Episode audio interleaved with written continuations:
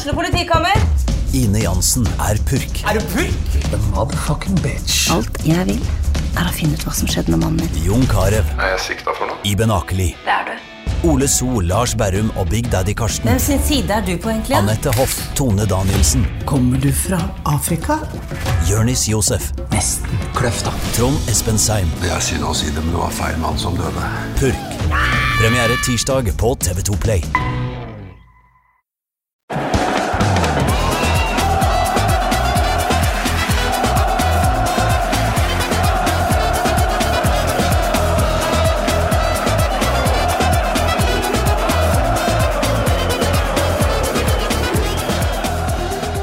Og velkommen til en ny episode av Pyro og Pivo. Mitt navn er Morten Galaasen. Denne uka har jeg med meg Reier Møll Sjåder for aller første gang. Velkommen, Reier. Tusen hjertelig takk. Du, Vi skal straks bli litt eh, kjent eh, med deg, men jeg må bare komme med en liten kunngjøring til eh, lytterne. På veldig veldig kort varsel. Fordi, for de som hører på Dritte Halbseit, så har de sikkert fått med seg allerede at Asbjørn Slettemark og jeg planlegger en liten shindig på bakgården på Løkka førstkommende onsdag, altså 28. juni. eh, Klokka 19.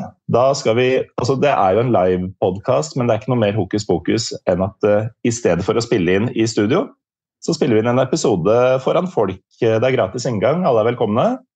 Um, men det er jo da en episode hvor um, Asbjørn og jeg skal snakke om våre vilt forskjellige skjebner som tilhengere av hvert vårt eh, Berlin-lag.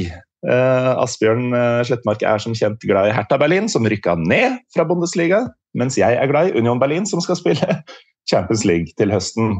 Så det blir nok en tårevåt seanse for, uh, for begge to. Det er bare å komme. De har skjenk på denne puben, som da heter Bakgården på Løkka. Og med det, Reier, så må vi finne ut hvem du er, for du har ikke vært med her før. Nei, helt, helt ny i den, denne forbindelse. Ja, Men du er ikke ny innen podkast. Vi er til og med på samme label, hvis Ja, ikke eh, sant? Label, det det. Label-venner, så det, det er hyggelig. Mhm. For, du, eh, altså vi, eh, for de som har sett tittelen på episoden, vet jo at det skal handle litt om det som skjer i Saudi-Arabia for tiden. eh, Innen eh, holdt på å si 11 mot 11-fotball, men det er jo også den andre fotballen. For du er en eh, kombinasjon av flere ting. Du er en fyr som kan mye om eh, landet og kulturen og alt saudi-arabisk. Og du er en fyr som driver podkast om eh, det minst saudi-arabiske i hele verden, nemlig amerikansk fotball. Det stemmer. Eh, Det har liksom blitt litt sånn at man finner ting man syns er interessante, og så hopper man på dem gjennom livet. Og så eh, ta det siste først. Så var vi tre kompiser under covid som syntes det var så kjedelig at vi aldri kunne møtes. Og så fant vi en interesse for amerikansk fotball. Og så plutselig bare fant vi det, hvorfor ikke? Vi er alle tre familiefedre. Hvorfor kan ikke vi bare møtes på internett og lage en podkast? Så da starta vi Oval ball for det er vel tre, tre år siden. Eh, Mm. Og det er, er jo kjempegøy. Det er jo det, liksom den rake motsetninga egentlig av Pyro og Pivo. Det er jo ikke noe supporterkultur. Alt er gjennomkommersialisert, og pengene betyr alt. og Fansen har ingenting de skal ha sagt, men uh, likevel, det er jo litt det som jeg syns er sjarmen òg. Der, er det- der legger man ikke skjul på noe. Ingen kan rykke ned. ingen kan rykke Nei, nei. Nei, nei, det er jo ikke bare fansen har ikke noe å si, men de er jo uttalte konsumenter. Altså de Ja, ja, ja. kunder av idretten. Alle laga selger jo den samme merchen, bare med forskjellig logo. Og selvfølgelig til en T-skjorte skal det jo koste 35 dollar, liksom. Det sier seg selv, for det er jo offisiell NFL-merchandise. Så Det er jo derfor det er så gøy når det kommer en del av disse amerikanske eierne inn som eier NFL-klubb inn i, i engelske klubber og andre klubber, eh, som har en litt sånn troa på at den europeiske kulturen kan vris. Man har jo en kar i Chelsea, Mm. eksempel, men det er jo en annen diskusjon. Men det er jo Ja. Altså, det syns jeg det, det er artig. Mm. Mm. Vi skal snakke litt om eierskap eh, i dag også, men eh, jeg skal bare innrømme, sånn for å ha det på det rene, at jeg liker amerikansk fotball sjøl. Eh, Det Det er ikke noe å være flau over det, altså. Det syns jeg eh, Jeg er bare så redd for å skuffe de få lytterne vi har igjen. fordi Ikke bare eh, liker jeg denne anti-pyro-pivo-sporten, men mm. de som hørte et lite pst på litt siden eh, Jeg skal innrømme for dem også at det var ikke en pivo denne gangen. Det var en billig variant av eh, Ramløsa. For det er det er jo eh, knapt lunsjtider på en arbeidsdag nå, Reier. Det må vi Ja, og være det- så å si. Dette er jo min feil, det skal jo sies. Så til dine, dine fans der ute så skal, skal jeg ta all Det var rett og slett at den eneste muligheten jeg hadde. For jeg sitter da hjemme med en nyfødt datter eh, og er litt sånn i pappaperm og prøver å støtte opp min, min samboer. Så dette er liksom klokka halv tolv på en fredag. Ja. Det er litt tidlig kanskje å sprette den, den første, første ølen da. Ja, det er det. Og spesielt siden jeg spratt veldig mange i går. For da var det siste skoledag i, i Oslo-skolen, og da går lærerne over hele byen bananas. Ikke sant. Så det er en tung, tung dag i dag. Ja, så det, det er bare å beklage. Ja. Ja, det blir nok tyngre når vi kommer inn i den mørke materien her også, som mm. i hvert fall mange vestlige er enige om at er mørkt. Og så er det jo sikkert mange forskjellige måter å se det på, men vi skal da snakke om Saudi-Arabia. Veldig lite ukjent territorium for deg? Ja, altså jeg, jeg, kan nok mer enn de fleste. selv om jeg, Det er jo sånn ironien at man blir, kalt, man blir kalt ekspert, og det er jo ikke det. jo de menneskene som utdanner seg på universitetet og som virkelig går ned i dette. Jeg har jo bare hatt det som en hobby i mange, mange, mange år, akkurat som, som, amerikansk fotball. Men eh, det er jo sånn når man har en hobby, så dukker man ned i ting, og så får man litt peiling på det likevel. Mm. Ja, men Du har jo virkelig dukka ned. Altså, Du har bodd i eh, Saudi-Arabia? Stemmer. stemmer. Mm. Og, og, og, og, skrevet og jobba en del med det, med det, med det i etterkant. Så, men det er jo litt sånn det, det er kanskje litt der jeg, at det dukker opp ting som jeg syns er spennende, og så dukker man ned i det til man finner ut at man ikke har tid eller ikke orker mer. For, og så kom det noen barn her på min side, og da har det forsvunnet litt de siste årene. Men eh, det er jo litt gøy når fotball, som er en av mine hobbyer, og Saudi-Arabia dukker opp i samme setting. Så mm. det er jo liksom kaste seg litt på igjen, selv om man er eh, litt utenfor arbeidslivet for tida. Men uh, hvordan havner en tilsynelatende sindig sørlending i Saudi-Arabia? Altså, det er ikke bare å dukke ned en hobby? Nei, altså, det endte med, jeg, jeg jobba på ambassaden bare som praktikant der nede eh, en periode. Eh, og Det var bare sånn helt, helt tilfeldig. Eh, søkte litt sånne stillinger når man skrev en mastergrad, og så fikk jeg den. og Så dro jeg ned, hadde ikke peiling på hva jeg skulle eller hva som venta meg, og så var det såpass fascinerende. Eh, I tillegg til at akkurat det halvåret jeg jobba der nede, var den arabiske våren. Så det er jo ganske lenge siden nå, da, i 2011. Eh, så det skjedde jo veldig mye i i regionen, eh, både politisk og på andre ting. Så da ble det til at det var liksom en, satt man igjen med en kunnskap som, en, som jeg følte jeg kunne ikke kaste bort. Eh, så da starta jeg en eh, blogg når jeg kom hjem. Det var jo på den tida hvor alle blogga. Det var ikke podkaster da. Eh, og så var det jo ingen som brydde seg om den bloggen, tror jeg, før på, på et par år. Det var satt, satt på bloggspot og skrev for fem, 50 andre. Mm. Her, det, her, kommer, her, krysser man da, men du nevnte jo Dritte Halpsite og sånn. Jeg har en en tidligere nabo, som da tilfeldigvis er Eivind Biskersundet, og hans, eh, som bodde rett over gata da jeg vokste opp i, i Mandal. Og hans eh, lillebror Sven mm. han jobba da i P3, så han var vel den første som, som fikk meg på radio som eh, Gulf-ekspert, og så balla det liksom på seg etter hvert der. Eh, til at man har liksom blitt kalt inn både i TV og radio, for det, det fantes jo ingen i Norge som egentlig kunne så mye om Saudi-Arabia og, og, og Jemen og det området, når det begynte å blusse opp litt der på mm. slutten liksom, av 2010-tallet. Ja, for det har jo kanskje for mange vært uh, litt mer sånn usexy delen av den arabiske verden. Uh, man har sett veldig mye på uh, Syria, Israel, Palestina, Irak. Altså de, ja, ja. Der, det, der, det, virkelig har foregått ting som, som, hele verden har fått med seg. Da. Men det er jo ganske mye som trekkes i trådene fra, fra Riyadh, har man inntrykk av? Ja, altså det, det, skjedde jo mye både i perioden jeg var der og i, og i etterkant. altså Tidligere har det vært, Jeg har bodd i Egypt òg, og det var liksom stedet hvor jeg da syntes det var mest spennende eh, når jeg var, mm. var yngre. Og i fotballkulturen der og sånn er jo mye mer skulle jeg si, si Latin-Amerika, eller altså iallfall middelhavsk enn det du har i, i Saudi-Arabia. Men så har det mm. skjedd veldig mye der de siste 10-15 årene òg, med litt sånn maktskifte og hvordan økonomien har vridd. Og da den arabiske våren spesielt gjorde at Saudi-Arabia gikk fram som en sånn region, eh, regional maktspiller, for de kjempa jo mot dette folkelige opprøret og greide da å støtte opp under en del av de regimene i regionen som hadde opprør. og Da greide de å kjøpe seg innflytelse og kjøpe seg makt. Mm. Og så har de bare balla på seg balla på seg egentlig de siste eh, ti årene.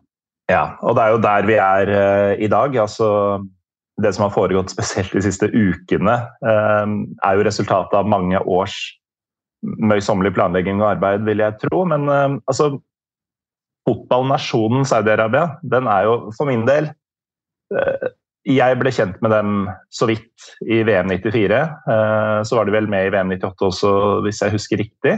Mm. Eh, men da var det liksom Det var bare et, et, dårlig fotballag som var med i VM litt for å fylle opp plassene fra regionale kvalifiseringer. Liksom det, det, var det 10 og 14 år gamle Morten tenkte, kanskje ikke med de orda. Um, og tenk, visste ikke noe mer om det. Jeg tenkte at dette var en harmløs uh, gjeng. Uh, men nå uh, begynner det jo altså, Det var jo en sak på nrk.no tidligere i uka hvor bl.a. du uttalte deg, sammen med mm. Charlotte Lysa, som også har vært gjest her tidligere, og flere. hvor det ble sagt at det, det er jo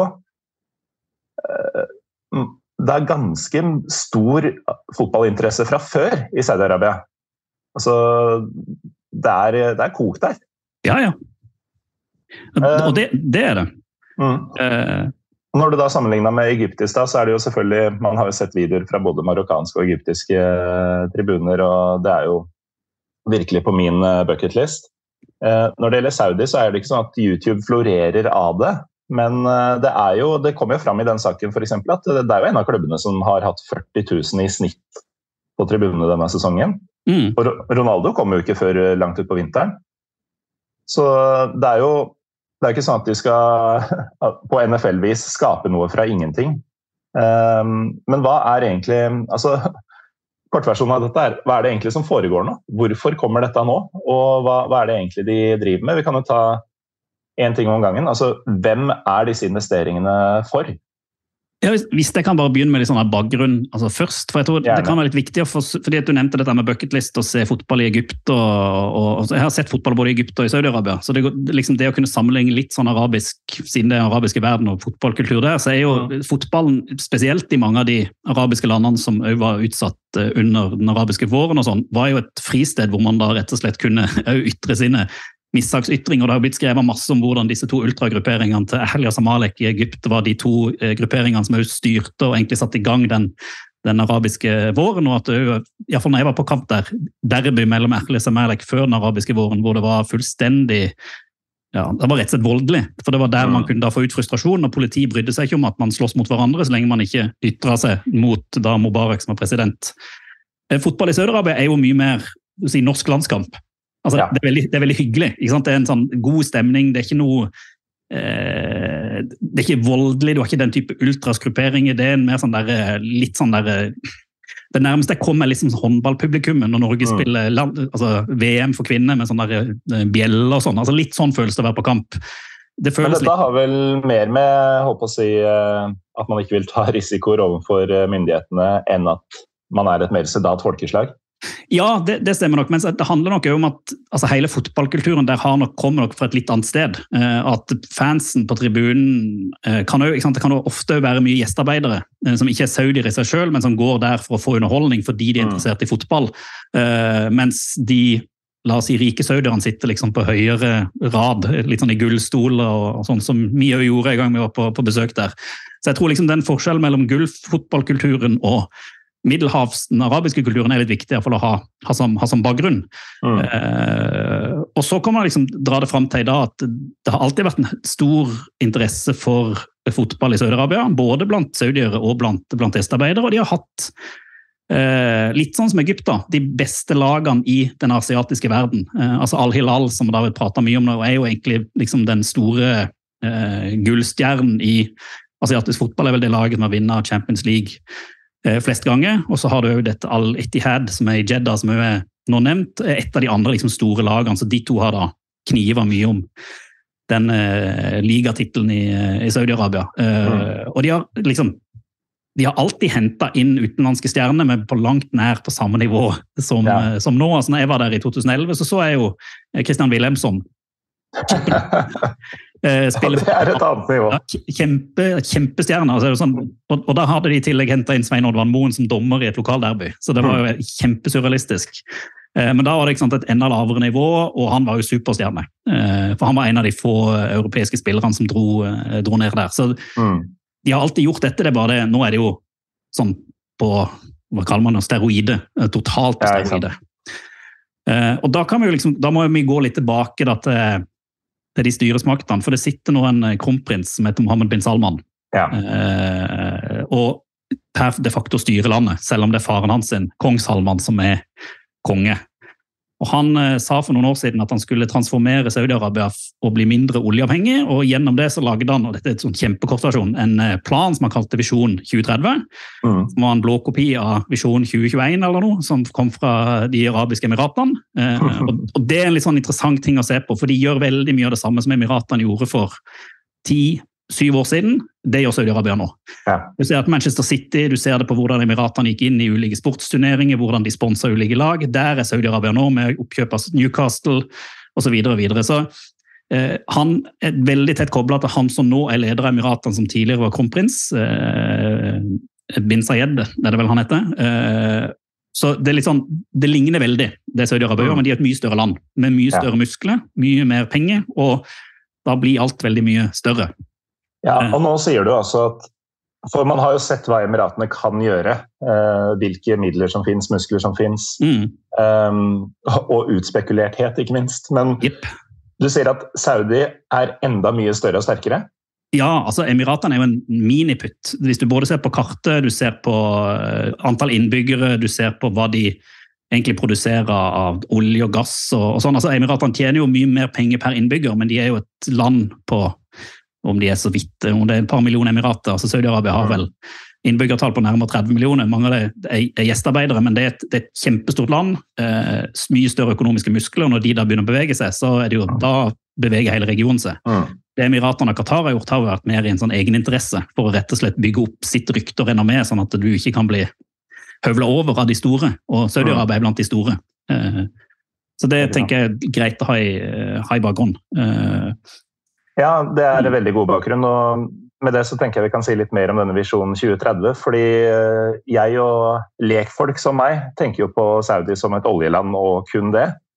Og det er vel akkurat differensiering eh, av inntektsstrømmen som er eh, mye av tanken til bin Salman her. At man skal ikke være så avhengig av det alle kjenner oss for.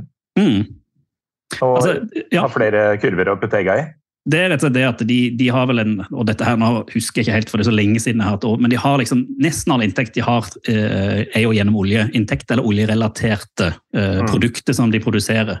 Eh, og de importerer nesten alt. Eh, og de bruker jo De har masse subsidier med at du tjener ofte mer som arbeidsledig enn å jobbe som saudier. Ingen saudiere vil jobbe i privat sektor, nesten. Det har endra seg nå, da, lite grann. De, fleste vil jobbe i offentlig sektor, for da får du bedre betalt, og, og helsetjeneste er gratis, og skole er gratis, og de henter da inn masse eh, utenlandsarbeidere, ingen betaler skatt. Så det er en, det er en økonomi som samfunnsøkonomisk sett eh, blir dopa ned av, av olja, og så har man innsett at på lang sikt så vil jo ikke dette kunne gå, for eh, vi skal jo prøve. Vi er ikke så gode til det i resten av verden heller. Altså Kvitte oss med oljeavhengigheten og gå over til fornybar energi.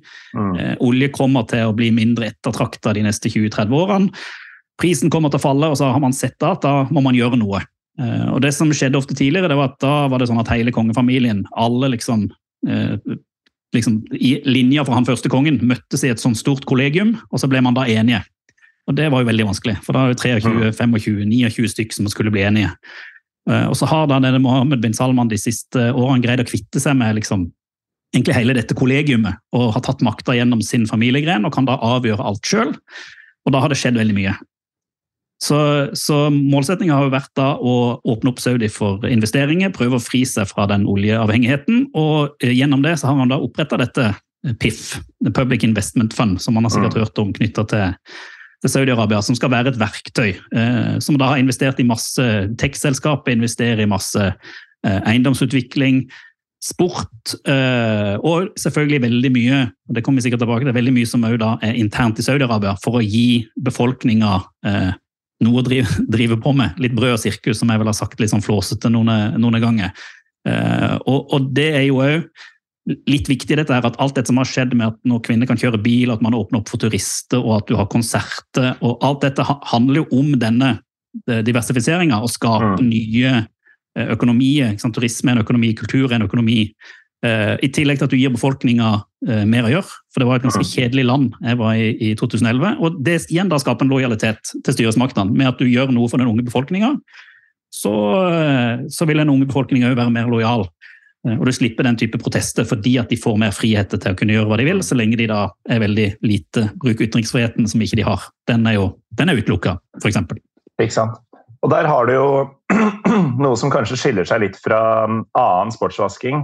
Eh, nemlig det du sa om at eh, Emiratene har jo i stor grad prøvd å bygge musklene utenlands og Mm. få andre til å se deg som sterkere og større enn du kanskje er. Um, mens her er det det er selvfølgelig en del av det også, eh, i og med at de skal satse på turisme i større grad. og sånn, Men eh, kanskje litt underkommunisert er at mye av dette gjøres for egen befolkning, ikke for at vi andre skal eh, tenke bedre om dem. Ja, der, og der har du et godt poeng, for det føler jeg kanskje det som forsvinner litt inn i, i den der diskusjonen om at de bruker penger og henter stjerner. Og, og alt dette her er jo en tolkning, og vi er jo subjektive begge to, men jeg tror jo hovedmålet her eh, er internt i Saudi-Arabia og i regionen. Mm. Det at du henter Karim Benzema og en Golo Kanté og gir alle disse klubbene sterke økonomiske muskler altså Det er jo ingen som tror at de kommer til å slå gjennom i Europa av den grunn. Europa kommer til, altså Vi driter oss i det. Vi er ute etter en fankultur, vi er ute etter en sport som vi kjenner det. Om det drar store stjerner til Saudi-Arabia, nobody cares. Men for befolkninga Eh, i Saudi-Arabia spesielt, det at det mm. kommer store stjerner. Mange av disse her er jo da muslimer. Det tror jeg ikke man skal uh, Det er jo et poeng ikke sant? at det er mennesker ja. som har vært der på pilegrimstur tidligere, nå drar til Saudi-Arabia og spiller fotball, har vært i landet tidligere, skryter av landet. Uh, gir jo befolkninga en litt sånn stolthet. Man ser jo det når det kommer store stjerner til Norge og skryter av Norge, hvor nisselue vi blir. Mm. og Det er jo litt samme effekten der, som igjen da skaper en lojalitet til at oi, se hva den store kompisen kan få til. Han kan skaffe dette mm. for oss og lage dette produktet Eh, internt. Og så tror jeg også den dimensjonen at de har lyst til å bygge seg opp som en maktfaktor i, i regionen. At, at saudiske ligaen, eh, saudiske fotballen, blir en maktfaktor i den arabiske verden og i den asiatiske verden, og kanskje òg i den afrikanske verden. Mm. Det er der man drar, når man da vil spille fotball på et høyt, høyt nivå. Eh, ja. Og at det da blir en type konkurransearena mot den europeiske ligaen. Kommer aldri til å bli like god på nivå, kommer aldri til å være like interessant å se på, men kanskje kan betale like mye.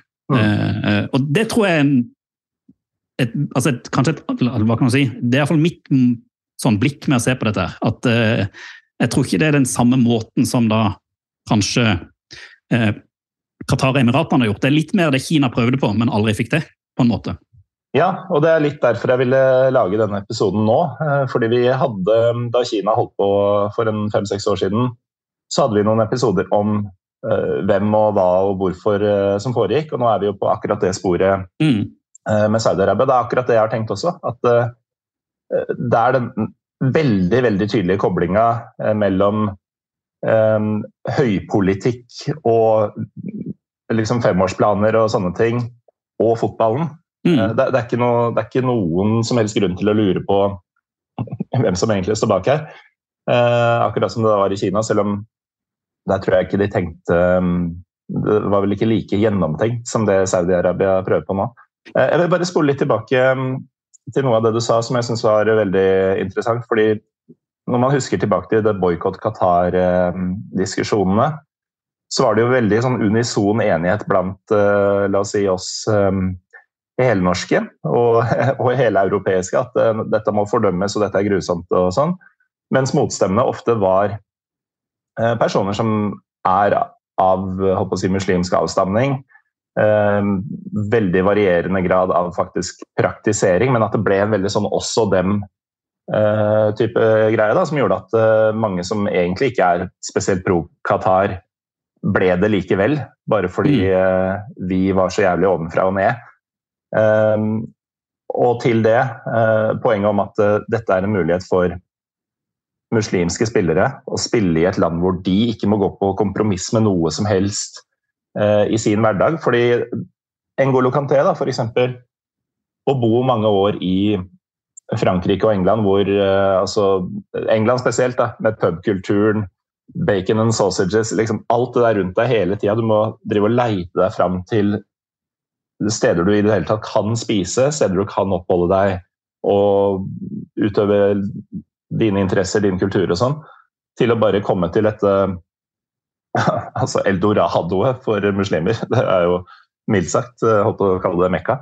Eh, men altså, det punktet der eh, det tror jeg er veldig, veldig viktig. Og jeg syns ikke det er rart i det hele tatt at Karim Benzema går dit. Tilfellet Ronaldo kanskje litt mer spesielt, og ikke minst Nå er det jo til og med mindre avdanka-spillere som går dit. Mm. Ruben Neves har jo nesten skapt størst overskrifter.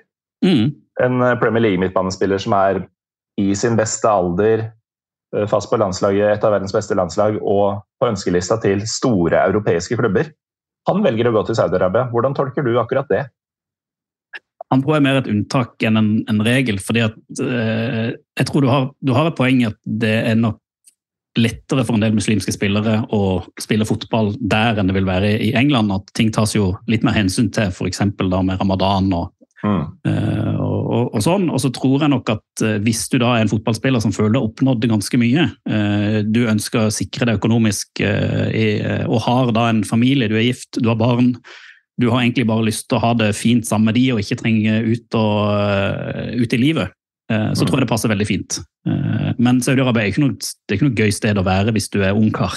Hvis, ikke du, eh, hvis du ønsker ut å ha det moro på kvelden, hvis du ønsker ut å feste litt eller møte folk eller gjøre en, møte dame ute på puben nesten. Altså, så, så, det er jo noe med kulturen òg. At jeg tror, Det kommer aldri til å bli liksom et sted hvor alle drar, men jeg tror det er et sted hvor noen drar. Fordi at de finner det både interessant sportslig, og de finner, finner ut at her, her, kan jeg trives. Mm. Men uh, apropos det, altså, hva, hva gjorde du uh, på fritida da du bodde i uh, Saudi-Arabia? Du har nevnt flere ganger at det var ganske få tilbud for en som deg. Ja, men nå skal man jo være litt Jeg jobber jo på ambassade, og det er jo på en måte gulloddet når du jobber i Saudi-Arabia. For da eh, får du mulighet til å kunne dra på feste på andre ambassade. Eh, mm. Du har et, liksom et, eget visum og en, liksom en, status som gjør det lettere å kunne komme deg rundt. Så vi levde jo livet som vi var 16. og det, For det er litt som å dra til Ibiza, sånn lukka, lukka festlokale et, et mm. halvt år. Men det er liksom den lukka Uh, gjengen du har. Uh, og jeg tror hvis du bor der til vanlig, selvfølgelig i hvis du er veldig rik, som en viss Cristiano Ronaldo og sånn som Wilhelmsson, og sånn, så bor du i lukka compound, hvor du da selvfølgelig kan få gjort en del ting som du tidligere ikke, eller ellers ikke ville få lov til. Eh, mm. Det var liksom mer det at du, du hang rundt med de andre på ambassadene, eh, for de har lov til å handle inn alkohol. For mm. det er jo når det kjøpes alkohol, så er det ikke saudiske land, det er jo da amerikansk eller fransk eller spansk eller norsk. eller sånn, mm. Så dermed så er det mulig å kunne drikke alkohol der uten å bli straffa. Eh, og ellers så var det jo liksom det å ja, gå og se fotballkamper. Eh, gå og ja, på kulturelle ting og gå ut og spise og litt sånne, eh, sånne ting. Og så jobber man jo i tillegg. Så, og reiser rundt i regionen, selvfølgelig. Mm. Så, eh, men jeg, jeg, tror jo ikke det er et sted hvor Iallfall hvis du har med familie altså, jeg tror ikke det er et sted hvor man syns det er supermorsomt å bo sånn i lengden. Det er jo et ganske mm. heftig klima. Eh, det kan vi gjøre liksom, når man spiller fotball i 40-45 grader. Det gjør jo noe med tempoet, noe med hvordan dette her eh, ser ut på TV og produktet og, og litt sånn. Så eh, altså jeg, jeg, har noe, jeg, har mer tro på dette enn opp litt sånn som i Kina. At det etter mm. hvert eh, kommer til å dabbe av, og at du kanskje du får ligaen kommer til å rulle og gå, men du får ikke de samme type pengene om fem, seks, syv, eh, syv år. og så er jeg kanskje kynisk, da, men altså man har jo, ser man på spesielt Premier League, men altså resten av Europa, det er brukt så mye penger det er så mye kapitalisme inn i, inn i bildet at hvis det plutselig kommer en liga eh, statsfinansiert av den grunn, som da betaler de samme pengene, så blir det opprør. Altså, mm. det opprøret det, det, Du har jo en podkast som jeg tror har vært opprørt av dette her mye lenger eh, og mye tidligere. ikke sant? At man, eh, Fansen er ute av bildet uansett. Altså, mm. Who cares? Ja. Mm. ja, ikke sant. Men uh, det som foregår i Saudi, da, tilbake til, uh, til uh, klubbene og linken til Visjon 2030 Det som har skjedd her, er vel at staten man må vel kunne si direkte når det er gjennom dette PIF, uh, mm. har um, rett og slett kjøpt de fire største klubbene i landet. Eller uh, tatt kontroll over, som man sier.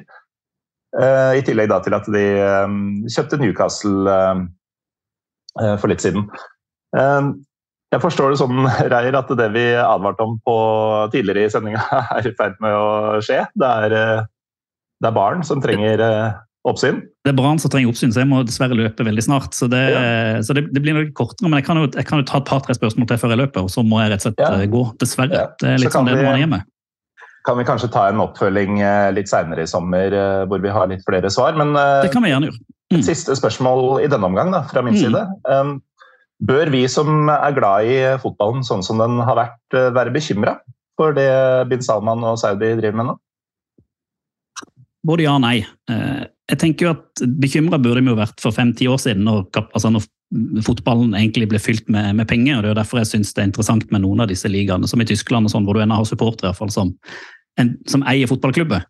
Eh, så på ett side så bør man være bekymra, for dette viser jo bare hvordan liksom, hyperkapitalisme virkelig kan ta over fotballen og gjøre det ja, til et sånn type amerikansk fotball-franchise-produkt, som kanskje er målsettinga at fansen er konsumenter. Eh, mm. og eh, fotballen kun er underholdning. Eh, og det, jo, det er iallfall helt imot den europeiske modellen av hva fotball er. Så Sånn sett bør vi være bekymra. Men på den andre sida syns jeg ikke dette er noe annerledes enn hva som har blitt gjort av veldig mange andre ligaer og andre land de siste 10-15 årene. Vi har jo nevnt Kina, Qatar og Emiratene og ja, eh, Frankrike med PSG i en periode. altså Hvor det kommer masse penger inn i fotballen. Man prøver å skape noe, og så ruller det litt ut etter, etter hvert. Eh, fordi at den saudiske ligaen er ikke et godt fotballprodukt. Det er ikke et produkt som kommer til å få masse seere, samme hvor gode spillerne er, fordi at eh, nivået er for lavt, eh, ferdighetene er for lavt, temperaturen og klimaet er for dårlig til at det skal være god fotball. Fankulturen er iallfall ikke sånn som vi kjenner det. Så jeg tror for Europa så er det ikke noe trussel på noe som helst vis i det hele tatt. Men det kan være en trussel for en del europeiske klubber i å hente noen type spillere fra noen type land. Eh, og det kan være en trussel for at du kanskje mister noen type seere rundt om i verden til denne ligaen isteden enn den ligaen man, altså de europeiske ligaene eller europeiske konkurransene. Eh, der kan jeg si at det er en trussel, men jeg er egentlig ikke så bekymra. Eh, sånn som hvis Gary Neville og Carriger hadde vært ute og sagt at nå må de stoppe. Sette stopper for det. Det syns jeg virker veldig rart, rett og slett. Mm. Mm. Um, siste. Ja. VM 2030. Får de, får de det? Nei, Nå så jeg i dag at de hadde trukket budet sitt. leste jeg på, ja, alle på dager. Ja, At de mente at de kunne konkurrere mot Spania, Portugal og Marokko. Jeg så det bare en sånn nyhetsflash, så det får jeg jo sjekke opp. Men jeg, jeg, tror ikke de gjør det nå, for nå ser det ut som at de har gitt seg der. sånn som det ser ut til. Og Det er jo enda et tegn på at uh, dette er litt mer komplisert enn det folk kanskje umiddelbart har tenkt. Mm. Uh, og da er det kanskje ikke så ille å avslutte litt prematurt uh, likevel. Jeg, jeg, beklager veldig det, så jeg håper heller jeg skal komme tilbake til en litt større og litt lengre sending i løpet av sommeren. når vi kanskje vet litt mer hvordan dette har gått òg. så jeg tar alt på min kappe, både at man drikker Ramløsa og at det blir avslutta altfor tidlig. da. Ja, men Du stilte i hvert fall, og det setter jeg stor pris på. Må gjøre litt kompromisser iblant. Uh, tusen takk, Reir Møll Sjåder, for at du eh, tok deg tid mellom barneskrik. tusen takk. Uh, takk også til deg som hører på. Vi er Pyro Pivopol på Twitter og Instagram. Mitt navn er Morten Galaasen, og vi høres igjen neste uke.